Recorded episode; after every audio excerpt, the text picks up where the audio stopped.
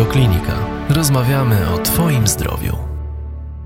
Panie profesorze, to jest tak rzeczywiście, że mnóstwo rzeczy dzięki prywatnym kontaktom z najlepszymi specjalistami z zagranicy udaje Wam się nadrobić. Mimo, że mamy niedobory finansowe w Polsce, to się okazuje, że Prokocim jest liderem. To właśnie między innymi dzięki temu. No dzięki temu, że staramy się nadążyć za całym światem. Dawniej, i to było 30 lat temu albo jeszcze, w zamieszłej przeszłości tej polskiej kardiochirurgii patrzyliśmy na medycynę amerykańską jak na odległą galaktykę, do której nigdy nie, nie dojedziemy.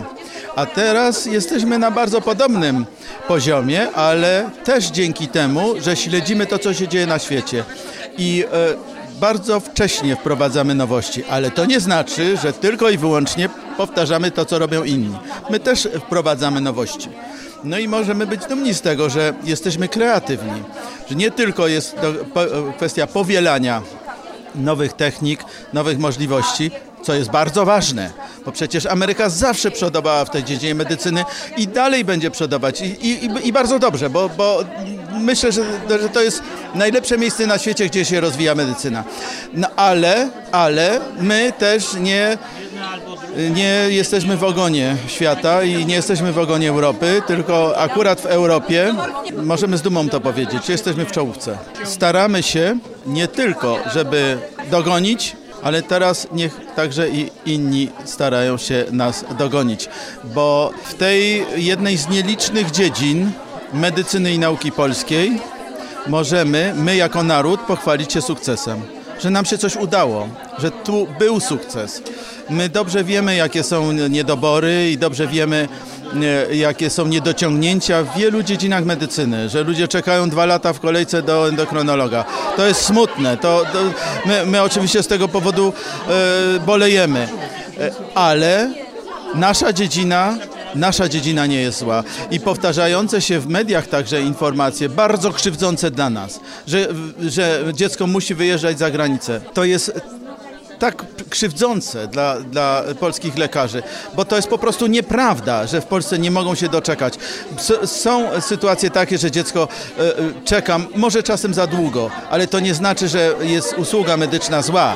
Jeżeli czeka o miesiąc czy dwa miesiące za długo, proszę się przyjrzeć temu, co dzieje się w Europie Zachodniej. Tam też są pewnego rodzaju kolejki i też bywa tak, że są niepowodzenia, ale bywa i tak, że skomercjalizowana światowa medycyna prowadzi do tego, że pewne decyzje podejmowane są mając przed oczyma głównie e, efekt finansowy tego leczenia, a ten e, efekt, e, który wkracza w zakres etyki medycznej, zostaje na drugim planie. To jest coś bardzo złego. I oby nigdy u nas do czegoś takiego nie doszło. Ja, ja wiem, co mówię, to takie sytuacje do, do nas także docierają.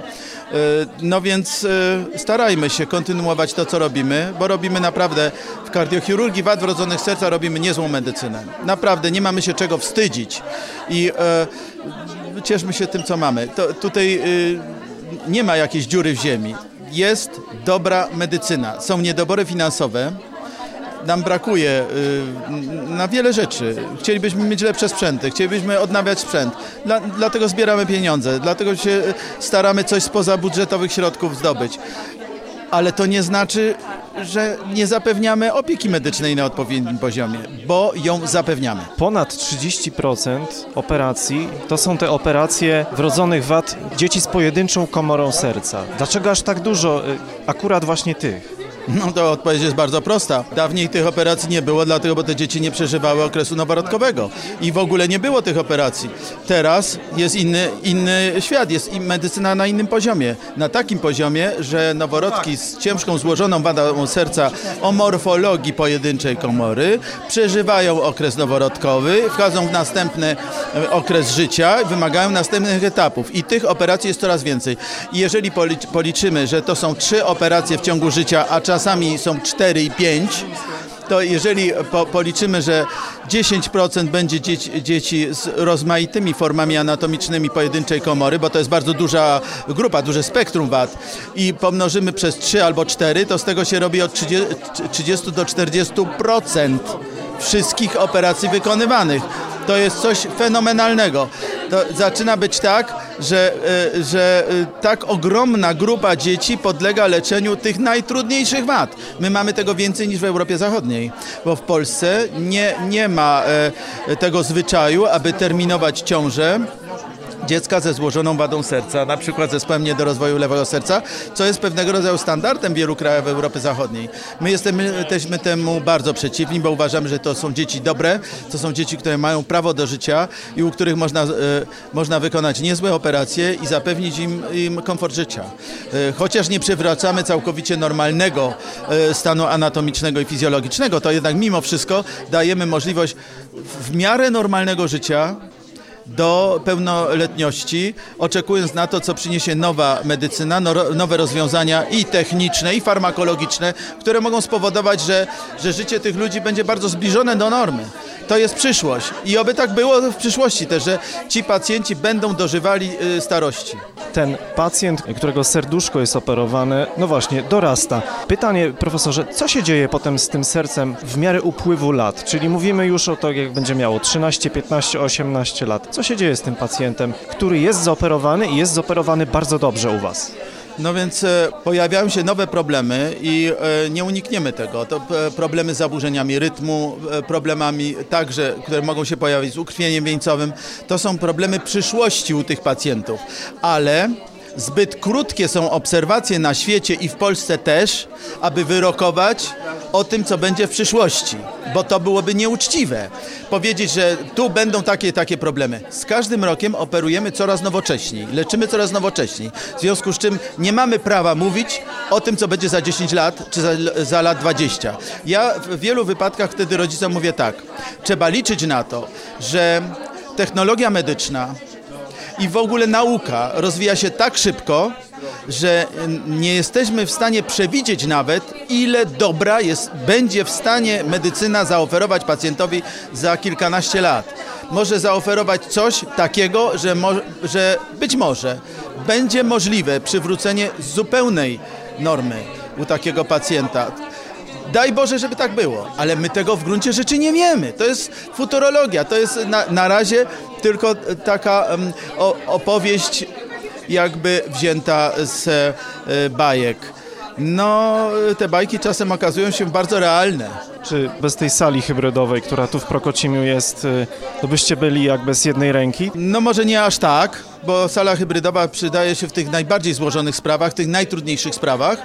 E, ale gdyby nie sala hybrydowa, to byśmy nie mogli podejmować się tych najtrudniejszych rzeczy. Tych, e, gdzie, gdzie e, no, wymagana jest najwyższa technologia, gdzie trzeba zrobić kilka rzeczy naraz. Ale poza tym to jest leczenie bardziej nowoczesne. W związku z tym moglibyśmy też leczyć, jakoś tam byśmy sobie dawali radę, tylko żebyśmy pacjenta o wiele bardziej obciążali. To znaczy trzeba by zro zrobić kilkakrotnie pewne przymiarki do tego, żeby mu pomóc, a tutaj na sali hybrydowej można jednorazowo wiele rzeczy rozwiązać, bo widać widać, co się robi i można przyspieszyć proces leczenia, a zatem i proces rehabilitacji y, jest e, lepszy, sprawniejszy, krótszy. Na koniec najważniejsza rzecz dla rodzica, który dowiaduje się o tym, że dziecko ma wrodzoną wadę serca. Przede wszystkim, dlaczego nie powinien się bardzo denerwować po tym właśnie, co pan powiedział. Macie do dyspozycji technologię, macie umiejętności. Co zrobić, żeby tego rodzica skutecznie uspokoić? No wielu rodziców, jak się dowiaduje, że um, ich dziecko urodzi się z wadą serca w diagnostyce prenatalnej, jest przerażonych jest przerażonych i y, traktuje to jako, jako wielkie nieszczęście. E, tu tej dziedzinie można bardzo wyraźnie i z mocnym akcentem powiedzieć: nie wolno się przerażać. Trzeba się skontaktować ze specjalistami, dlatego, bo w tych przypadkach bardzo często e, dziecku można dać kapitalną pomoc. Można albo e, całkowicie wyleczyć wadę, albo przywrócić, przywrócić stan krążenia do, do takiego stanu, że dziecko, czy później dorosły człowiek będą mieli komfort życia. W związku z tym rozpoznanie wady serca, samo rozpoznanie wady serca nie traktujmy jako nieszczęście. Jeżeli jest możliwość leczenia tych wad i to leczenia na, na bardzo dobrym poziomie, to nie wolno się przerażać. Trzeba do tego podejść mężnie, zastanowić się gdzie, jak, kto może to wyleczyć walczyć z przeciwnościami. No, no po prostu ży życie czasem przynosi różne niespodzianki. Są większe nieszczęścia niż wada wrodzona serca. Tak na to popatrzmy. Więcej audycji na stronie radioklinika.pl